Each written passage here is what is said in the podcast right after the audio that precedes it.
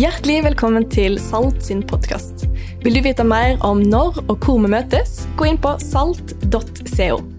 Her er en hilsen ifra Øystein Gjerme. Tusen takk for at du lytter til podkast ifra Salt.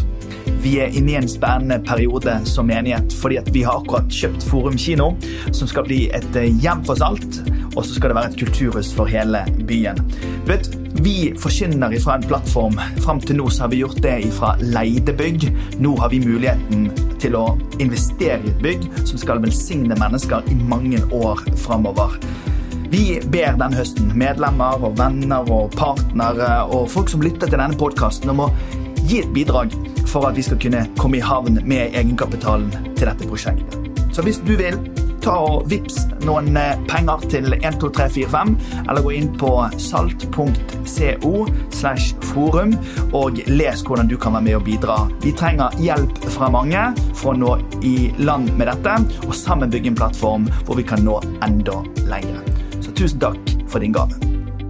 Ja da, ja da, ja da. Kanskje dere gir en kjempeapplaus til bandet som har vært med og ledet i kveld.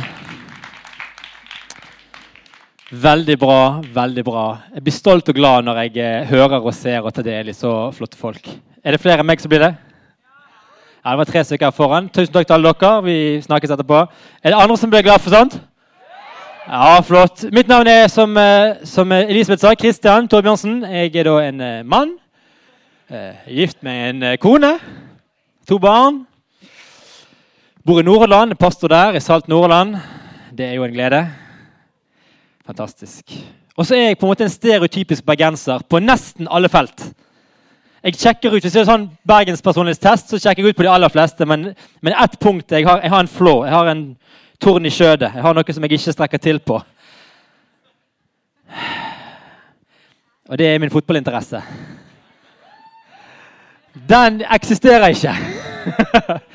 Så hvordan i verden skal vi løse dette? Vel, dere som da sitter her istedenfor på stadion, må jo få muligheten til å uttrykke deres begeistring. For det jeg kan forholde meg til, det er jo begeistring.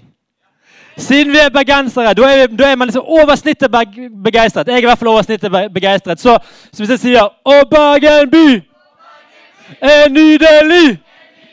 Og Bergen by er nydelig. Og så er vi i kirke, så vi må jo bare stoppe der, men utrolig bra å høre at dere er med og på. Det er helt nydelig. Ok. Folkens, Vi er i en serie for tiden som heter For hele byen. og eh, Du som er for aller første gang, har jo nå nettopp fått vite at eh, vi driver noen forumgreier, og det er sykt stort for oss. Det er sykt stort for oss. Vi gleder oss helt vanvittig til den dagen kommer. Og det er sånn sett en spesiell høst på vei inn mot dette bygget på Danmarksplass.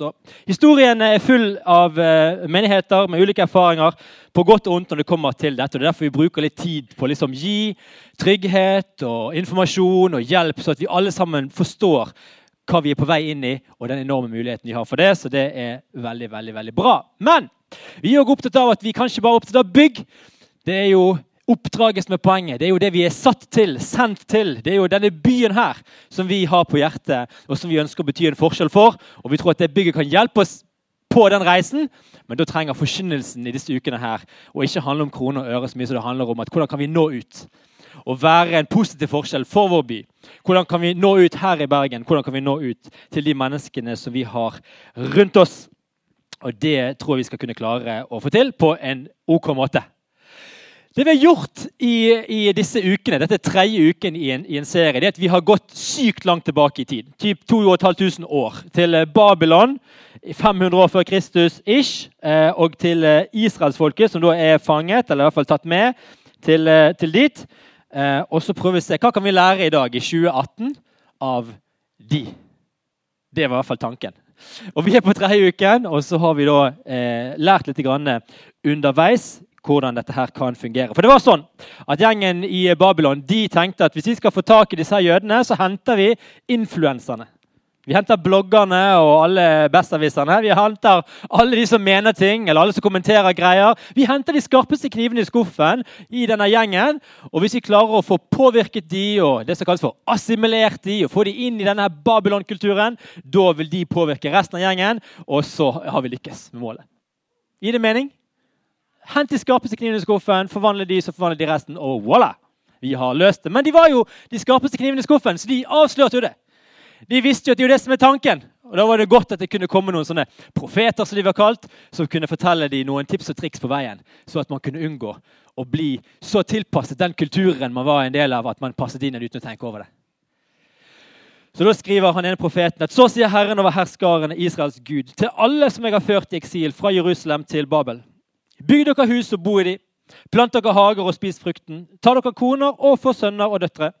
Ta koner til sønnene og døtrene, sønnene og gift bort døtrene deres, så de kan få sønner og døtre. Dere skal bli flere og ikke færre. Dere skal fremme fred for den byen som jeg har ført dere til i eksil, og be til Herren foran. For når den har fred, da har òg dere fred. Og I forrige uke så, så, lærte vi tre ting som denne gjengen for 2500 år siden fikk med seg, og som de fikk beskjed om når de skulle inn til denne nye byen, denne nye kulturen, det området som så annerledes ut enn det de var vant til fra tidligere. Og Det første det var at de skulle bo i byen. Altså bo i byen. Vær til stede. Ikke røm fra han, ikke gjem dere utenfor han. Vær til stede i byen. Og Vi er en sånn kirke som tror på det. Vi tror på det å være i byen. Vi skal ikke være et skjul for verden. Vi skal ikke drive og gjemme oss vekk. Vi tror at vi kan engasjere oss. Vi tror at vi kan være til stede. Vi tror at vi kan være påvirkere som er i byens liv på ulike arenaer og på ulike områder. Vi trenger å være en sånn type kirke hvis vi skal nå nye mennesker med verdens beste budskap. Det kan vi lære av det. Og Så lærte de at de trengte å involvere seg på en respektfull måte, men være annerledes. Derfor var det utrolig kjekt i dag i Salt Nordhordland. Vi hadde gudstjeneste klokken 11, så fikk vi intervjue Astrid Byrknes, som er ordfører i Lindås og har vært det i en årrekke. En kristen dame som ser hvordan hun kan utgjøre en forskjell i politikken og gjennom sitt samfunnsengasjement. Hun er faktisk Norges best likte ordfører. Ja, Så godt likt at Arbeiderpartiet ville ha henne med som ordførerkandidat, selv om de egentlig ikke har fått nok stemmer til å hente inn en KrF inn i greiene. Imponerende. Og så kan hun fortelle om hvordan hun på en positiv, respektfull og annerledes måte kan utgjøre en forskjell ved å være engasjert og ved å være forankret i lokalsamfunnet, i dette tilfellet i Nordhordland. Dette kommer til å gå bra, tror jeg. Og det siste det handlet om å vise kjærlighet og selvoppofrelse i tjeneste for byen. Og søke byens vel. Sørge for at det går bra på det stedet som man er. Og Det er jo det som er litt av poenget med med Forum etter bygget. Vi ønsker at det skal være et kulturhus som er vel for byen. Som gjør at byen kan kjenne at her har vi identitet, her kan vi være, her kan vi komme. Dette er kjært. Dette er noe som vi tar del i. Dette er noe som vi òg får lov til å være med på. Og så skal vi prøve å snakke i dag om hvordan vi kan sørge for å få nok trøkk til å være til stede i byen. Hvordan vi kan få nok trøkk som kirke for å være en aktiv deltaker. For å være en påvirker og en som påvirker mer enn å bli påvirket. For vi er helt overbevist om at vi har fått de beste nyhetene og vi har fått et budskap som vi kan få lov til å nå ut i, nemlig at Gud har kommet nær. Han er til stede. Han ser deg. Han vil ditt beste. Han elsker deg for den du er. Han har gitt sitt liv for deg, og så inviterer han deg til fellesskap med seg. Han inviterer deg til å koble på Han som er evig. Og måten han gjort det på, det at han sendte Jesus, og vi skal peke litt på Jesus i løpet av de neste minuttene. Jeg vet ikke om det kommer som en bombe i en kirke at vi peker litt på Jesus, men vær klar når den tid kommer. For å klare dette så skal vi prøve å sjonglere tre ting på en sånn ok fornuftig måte. Det ene det er, eh, det er en Kindle. Det er egentlig sykt mange bøker innpå her, men en av dem er You Lost Me.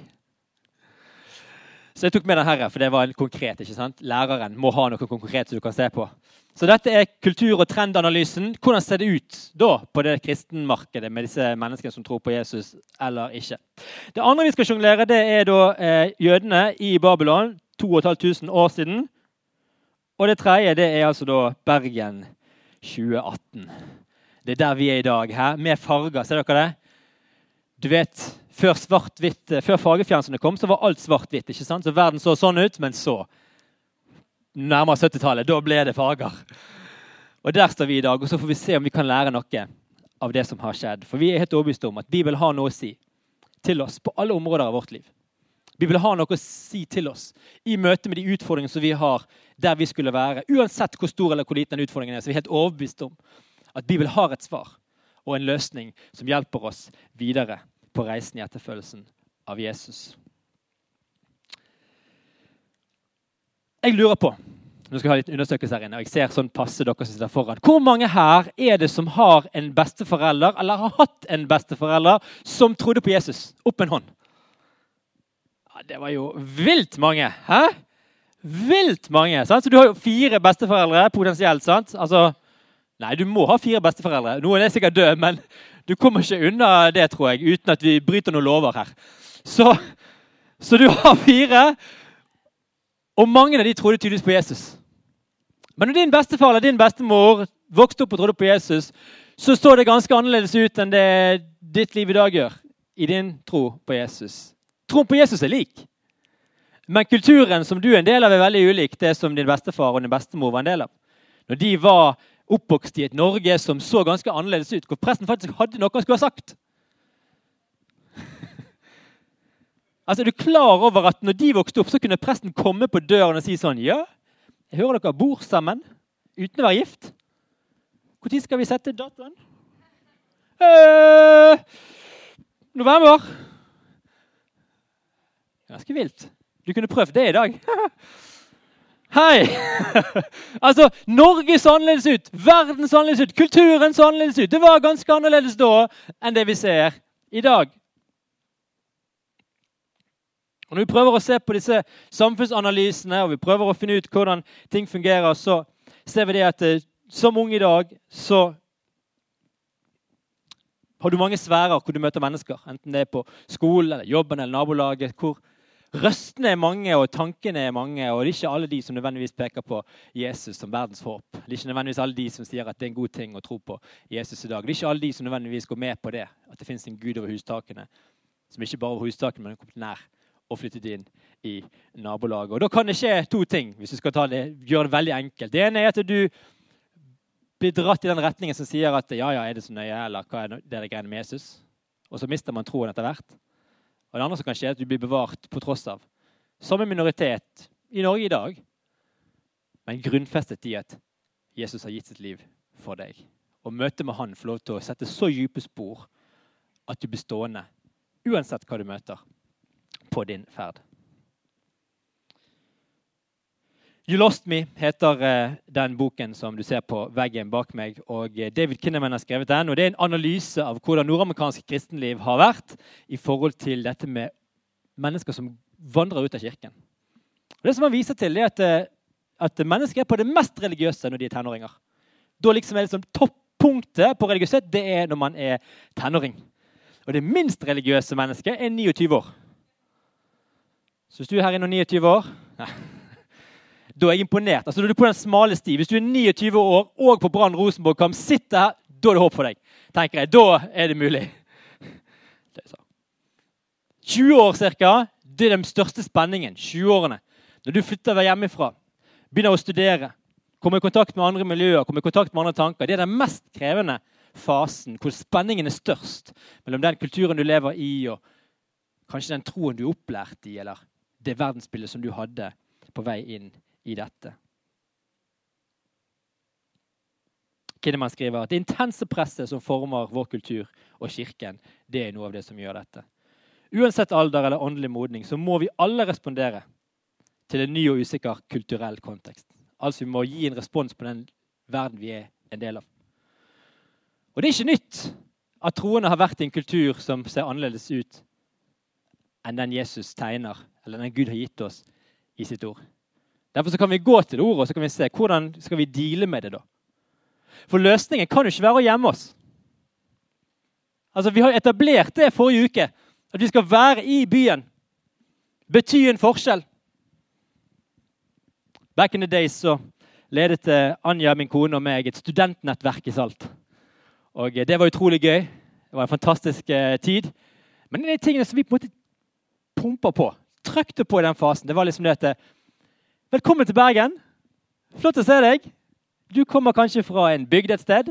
Og så tenkte du at nå skal jeg finne meg en kirke som jeg kan gjemme meg i mens jeg studerer. Sånn at jeg kan luske meg rundt i gangene sånn. Og så kan jeg flytte tilbake igjen til bygden når jeg er ferdig, og så kan jeg fortsette i, på bedehuset eller på den plassen som du var. Og så har du klart å unngå å komme i kontakt med verden. Kanskje til og med hadde en mor og en far som sa sånn 'Å, du må ikke gå på fritidsklubben. Der er det mye som skjer.' Jeg hadde en kone som er det sånn. Nei, du får ikke gå på fritidsklubben. Herligheten. Du vet jo hva som skjer utafor.' De røyker og drikker og danser og Helt Nei, jeg går ikke. Men det er klart, du er gift med en som er oppvokst på fritidsklubben og friidrettsbanen og begynte å bli skikkelig kristen type når man var 17, så så det litt annerledes ut. Så jeg bare Kom igjen! Fra jeg var 18 år til jeg var 25 år, var jeg ute hver eneste helg. Mer eller mindre med kompisene mine. Og det var ikke en god fest hvis han var ferdig før klokken fire. 18 til 25. Jeg vet ikke hvor du er i dag, men cirka der. Det var viktig for meg. For jeg er i og ikke av verden. Til stede med kompisene mine. Med på forspillet. Med ut på byen. Med i køen på Burger King når alle er fulle og svindler til seg burgere. Jeg lover deg, de gjør det. 'Nå har jeg venta i en halvtime på burgeren!' Og så kommer de med kvitteringen som de brukte i sted. 'Kan jeg få den?' Og denne stakkaren på burgeren bare Kan vi gi så det tipset i kirken? Det, det, det, går ikke. Det er jo ikke et tips. Jeg bare beskriver hvordan liksom det kan fungere. ok? Så ikke skyt meg. Du må ikke skrive hjem til mor liksom 'Lærte å stjele i kirka'. Det må ikke du gjøre. Da blir det dårlig, da blir det dårlig stemning. Da får vi sånne mail og sånn som vi ikke vil like. Men ok, jeg er helt overbevist om at du kjenner noen som var aktiv kristen når dere var tenåringer sammen, når dere var unge, og som i dag ikke er en del av et fellesskap.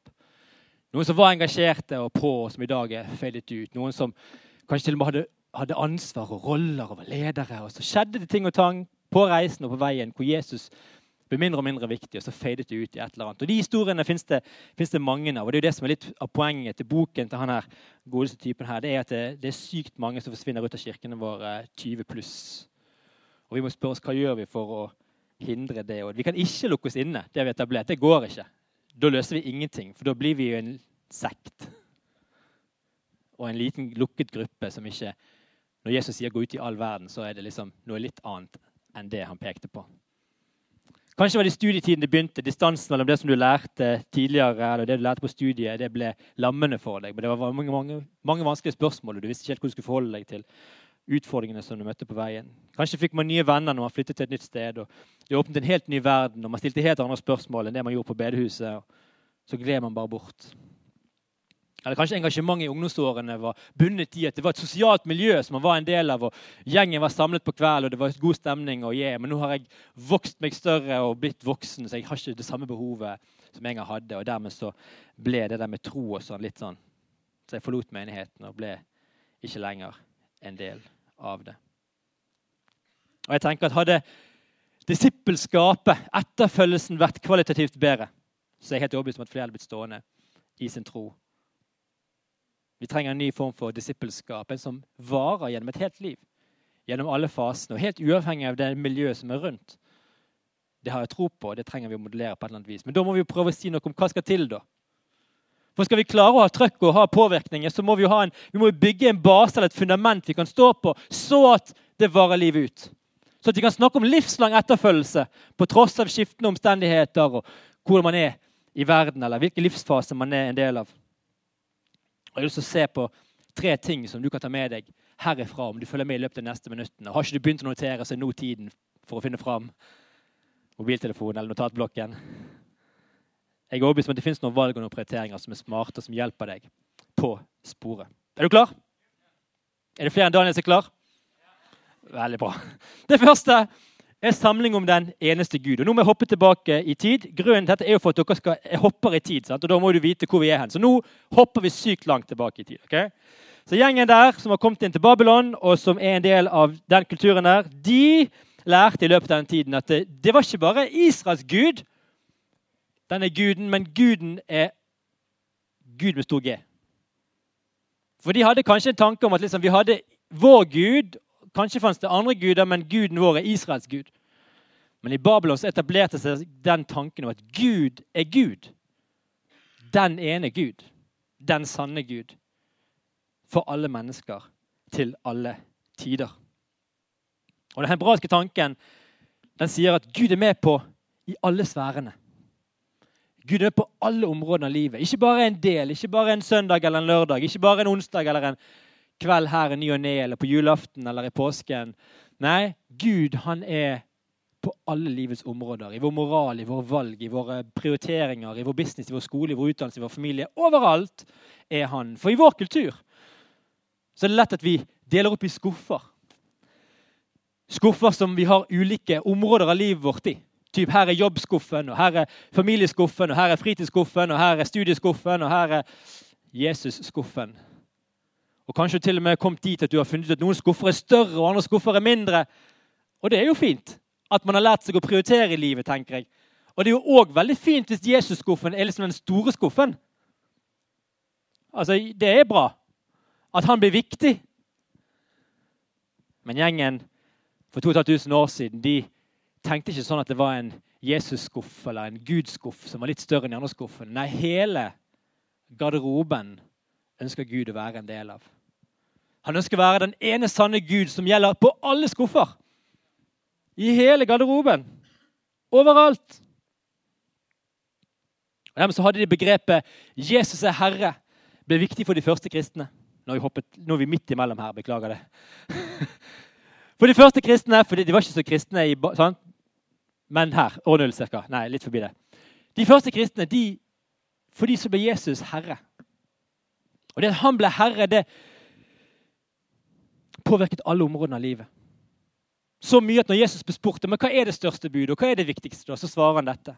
At du skal elske Herren din Gud av hele ditt hjerte, av hele din sjel og av all din forstand. Og da har du rommet alt, egentlig. Det er ikke så mye mer å hente da. Det er alt du er, det. Men så skal du elske det neste som deg sjøl. Det er det andre budet. Du skal elske det neste som deg sjøl. Og på disse to budene så hviler hele loven og profetene. En annen gang disiplene følger etter, så er han ganske streng, og så sier han at den som vil følge meg, må fornekte seg sjøl og ta opp sitt kors og følge etter meg. Og Paulus, en som har skrevet store deler av Det nye testamentet, mange av brevene, han sier hele 222 ganger så bruker han det begrepet 'Jesus er Herre'. Jesus er Herre. Han er ikke bare herre over jobben eller herre over søndagen, men han er herre over hele livet. Hvilket gjør at han får en saying inn i mine og dine prioriteringer som etterfølgere av han.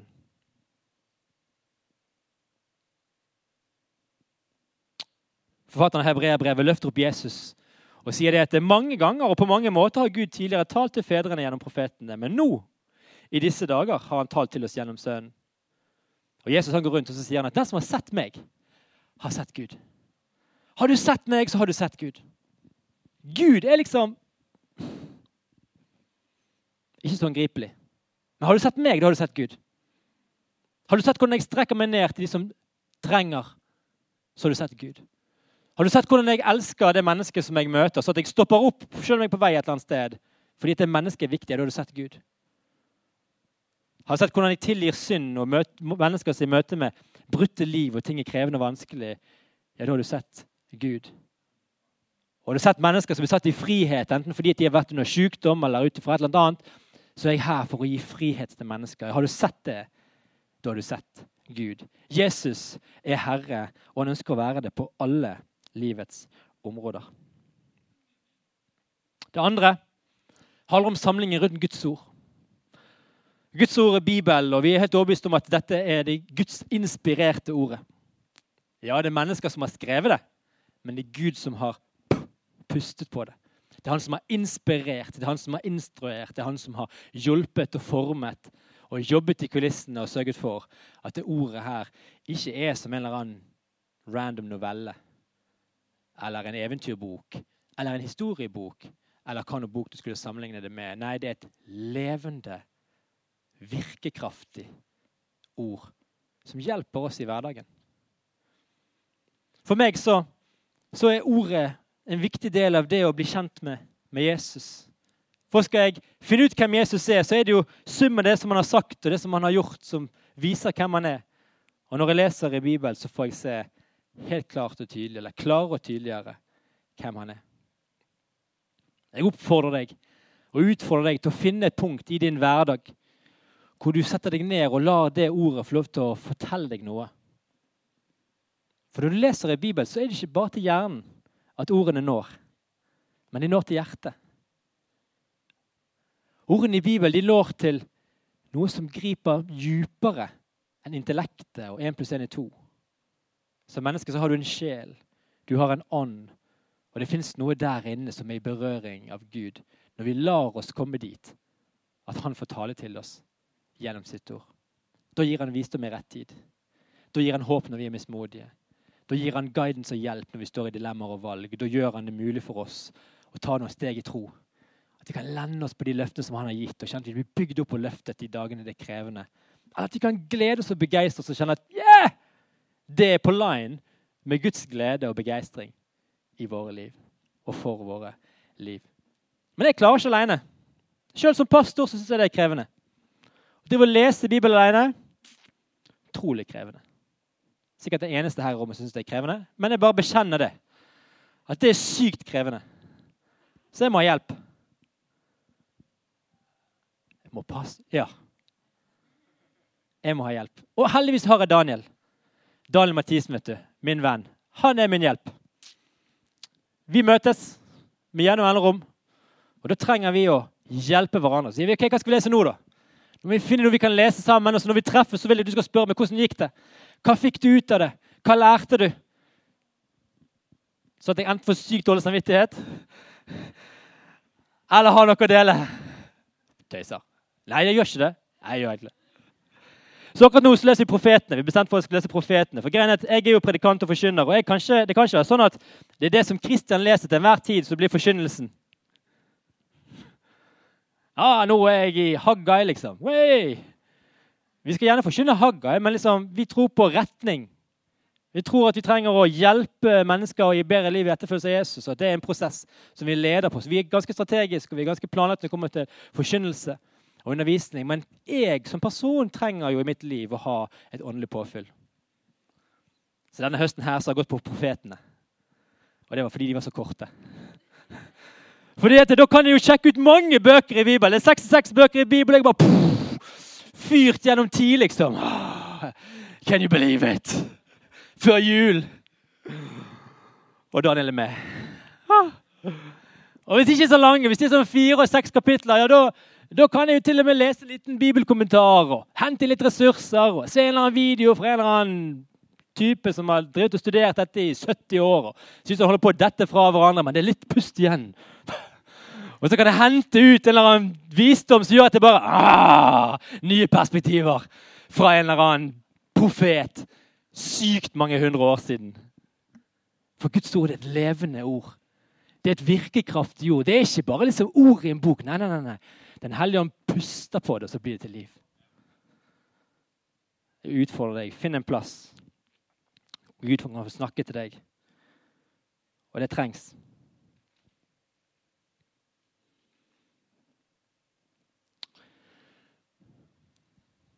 Siste. Når vi ser på påvirkning Tilbake igjen til, eh, til Kinnaman på Kindle. Så sier han det at noen av de viktigste påvirkningsfaktorene i et kristent liv og bevares i en kristen tro, det, det er ungdomssamlingen og besteforeldrene og pastoren. Det er jeg glad for. Da, da, blir jeg, da tenker jeg å, fint. Men jeg blir jo knust av far på 61 og ned i støvla mor på 81% Så hvis noen lurer på hva som, er de virkelige influenserne, så er det far og mor òg når det kommer til kristen tro. En annen undersøkelse sier noe av det samme. At tro modellert av foreldre er viktig for barna. Men òg tro modellert av en voksen som man har en relasjon til. Noen andre enn foreldre. Derfor er jeg sykt glad for alle som er involvert i ungdomsarbeid i Salt Ung. Jeg er sykt glad for alle som er involvert i søndagsskolen og i barnekirken. Og sørger for å være sånne rollemodeller som går foran og som kan bety en forskjell fordi man har fått lov til å møte Jesus og ser at jeg lever ikke bare for meg sjøl, men jeg lever for de som er rundt meg. Jeg kan ta ansvar for noen andre enn meg sjøl. Det tredje og siste tipset om du skal klare å stå fast i, men ikke av, påvirke mer enn å bli påvirket av, det handler om å være samlet når vi samles. Jeg føler ikke jeg kan snakke nok egentlig om det å være sammen. Kanskje fordi vi lever i en tid hvor vi er individualister og individer på alle mulige måter. Vi skal være selvstendige og passe på at alt stemmer. Og alt må funke innenfor min timeplan, mine rammer, mine planer, mine ditt og min datt. Da kan jeg sjekke med. Og så er jeg en del av det som skjer. Når jeg er klar. Og det er ikke så rart at ensomhet er en av de største folkesykdommene i Norden. Når alt vi har, er oss sjøl. Og vi skal klare oss på alle mulige fronter. Når den logikken nå kommer inn i kirken, så får vi en utfordring. For det kristne liv er ikke ment å leve i ensomhet eller som et sololiv. Nei, det kristne liv er jo fellesskap. Vi er jo definert av at vi er kommet sammen hvor Jesus er midt iblant oss. Vi samles på life-gruppe, vi samles på gudstjeneste, vi samles gjennom livet. Vi lever livet sammen som et fellesskap, og i det fellesskapet så er Jesus midt iblant oss. I det fellesskapet så skjerpes vi og formes vi. Jeg elsker podkast. Det er fantastisk. Tenk at mennesker rundt omkring i hele landet kan få liksom Salt og andre kirker rett i headsetet på bussen tirsdags morgen på vei til jobb eller skole. Eller torsdagskveld på en eller annen I love it! Kan du si I love it? Veldig bra. Nesten reklame. I love it! Men det er en utfordring med podkast. Jeg, blir ikke, jeg lærer ikke å elske av å høre på podkast. Jeg kan høre om å elske. Jeg kan lære om kjærligheten. Men jeg lærer ikke å elske. Jeg lærer ikke å være tålmodig eller overbærende. Hvis ikke jeg hører på en helt sykt kjip podkast så bare sånn der, å, får bære over i en halvtime Det kan jo hende. Men sånn, i det store og det brede så Det er jo i møte med virkelige mennesker i kjøtt og blod at vi får oss, testet oss, nye perspektiver, uenighet, krangling, spetakkel! og kjærlighet. Overbærenhet. Nåde. Åndens frukt kaller Paulus det. Han skriver opp en liste i Galaterne 5 og sier som dette er bra, dette er bra, dette er bra. dette er bra. Men jeg kan love, det kommer bare i møte med virkelige mennesker. Real life. Og Brann skårte. Mest sannsynlig. Det kan ikke være Rosenborg som jubler, så jeg nekter å tro det. Så kanskje og det er sikkert noen her ikke så heldig på første benk som har full kontroll. på, Men det er greit. Jeg skal gå for landing. Lovsangeren kan få lov til å komme opp. Vi skal gå mot en avslutning her. Men jeg håper at du henger med på slutten i disse tingene som vi har sett på. Moses, en mann som levde lenge før de ble tatt til fange og ført inn i nå er vi der, ja. Ført inn i, ut til Babylon. Han sier det at, at, disse mine ord skal du bære i hjertet og i sinn. Bind dem om hånden, og ha, eh, om som et tegn og ha dem på panen som et merke. Lær dem videre til barna deres. Snakk om dem når du sitter i ditt hus, og når du går på veien. Når du legger deg, og når du står opp.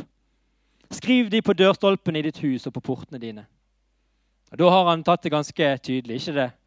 I hverdagsliv der som vi går, la, la det ordet få lov til å bli noe som virker. Noe vi kan dele. Noe vi kan bli inspirert av, noe som kan rettlede oss, noe som kan gjøre at tankene kommer på plass igjen, noe som gjør at vi kan kjenne at vi er rotfestet og grunnfestet i den Jesus som har lov til å ha med oss alle dager inn til verdens ende. Jeg har tro på hjemmet. Jeg har tro på forbilder. Jeg har tro på synergien mellom disse. Noen undersøkelser som de gjorde på andre siden av landet, viste at det var de voksenpersonene som samhandlet med Kirken. Som hjalp de barn og unge å få eierskap, relasjoner og trivsel. Det var de som opplevde at barna deres òg ble bevart i den kristne troen. Og Det er ikke sikkert det treffer deg der du er i dag, men det treffer virkelig meg. Som en småbarnsfar og som en friidrettstrener og som en som er til stede i barns liv. Hvordan kan jeg få lov til å være med en som sørger for at det skjer? Vi skal prøve å konkludere det, så må vi si at det vi kan lære i 2018 av gjengen som var i fangenskap og eksil i Babylon 2500 år siden, ish, det er at vi trenger å holde fast på Guds ord. Vi trenger å la dette bli formen og styrende for våre liv. Få en eller annen inngang av det hvor Gud kan tale, og vi kan kjenne at vi blir veiledet og rettledet. For håp og trøst og hjelp der som vi er. Og så kan vi lære at vi trenger å være pedagogisk og moderne i kommunikasjonen, så at vi forstår at vanlige mennesker er i stand til å skjønne hva som er Guds tanker og hans vilje. Så kan vi lære at vi trenger å huske at Gud er herre overalt. Herre over alle områder. Ikke bare en skuff eller en stor skuff for den del, men hele garderoben og hele kommoden. La Gud få lov til å være den som har en saying. La Jesus være den tydelige røsten inn i ditt liv som hjelper deg i dine prioriteringer og i dine valg og i din hverdag. Og så kan vi huske at vi trenger å kobles på et fellesskap, på en gjeng, hvor vi kan brynes og testes. Hvor vi kan gå sammen og glede oss med hverandre og gråte med hverandre. Hvor Jesus er midt iblant oss og skaper tro og liv for oss alle. Da trenger vi ikke være redd for at vi lever i en kultur som tenker annerledes, for da kan vi være sånne som påvirker mer enn å bli påvirket. Kan vi være sånne som står fast der som vi står, uten å være redd for at det skal gå galt. Jeg har ikke tro på å gjemme seg, jeg har tro på å stå rotfestet og grunnfestet i den Gud som har sagt han skal være med deg alle dager inn til verdens ende.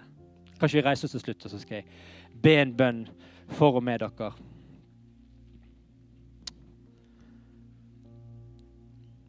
Herre, jeg takker deg for ditt ord. Jeg takker deg, Jesus, for at de har fått tilgang til tanker fra himmelen, fra et annet rike og ifra deg. Takk, Herre, for at dette ordet det er skarpere enn noen tveget sverd. Herre. Det hjelper oss, rettleder oss, gir lys til livet. Det sørger for at vi kan få lov til å leve livslangt i etterfølgelsen av deg. Så ber vi at du må hjelpe oss å være sånne som kan ta det ordet på en, på en god måte og kommunisere det til de menneskene vi møter i vår hverdag og der som vi ferdes. Herre, la oss være gode forvaltere av de evige, livgivende ordene som kommer ifra deg. Og så ber vi at du hjelper oss å huske, Gud, at du er herre overalt. Over alle områder og alle aspekter og alle deler av vårt liv. Hjelp oss å gi oss sjøl til deg. Og så ber jeg helt til slutt her om at vi som kirke og fellesskap skal være det stedet hvor tro formes og skapes og modnes og blir synlig. Hvor du, Jesus, får ta større plass i våre liv. Herre, vær med oss i ditt hellige navn. Amen.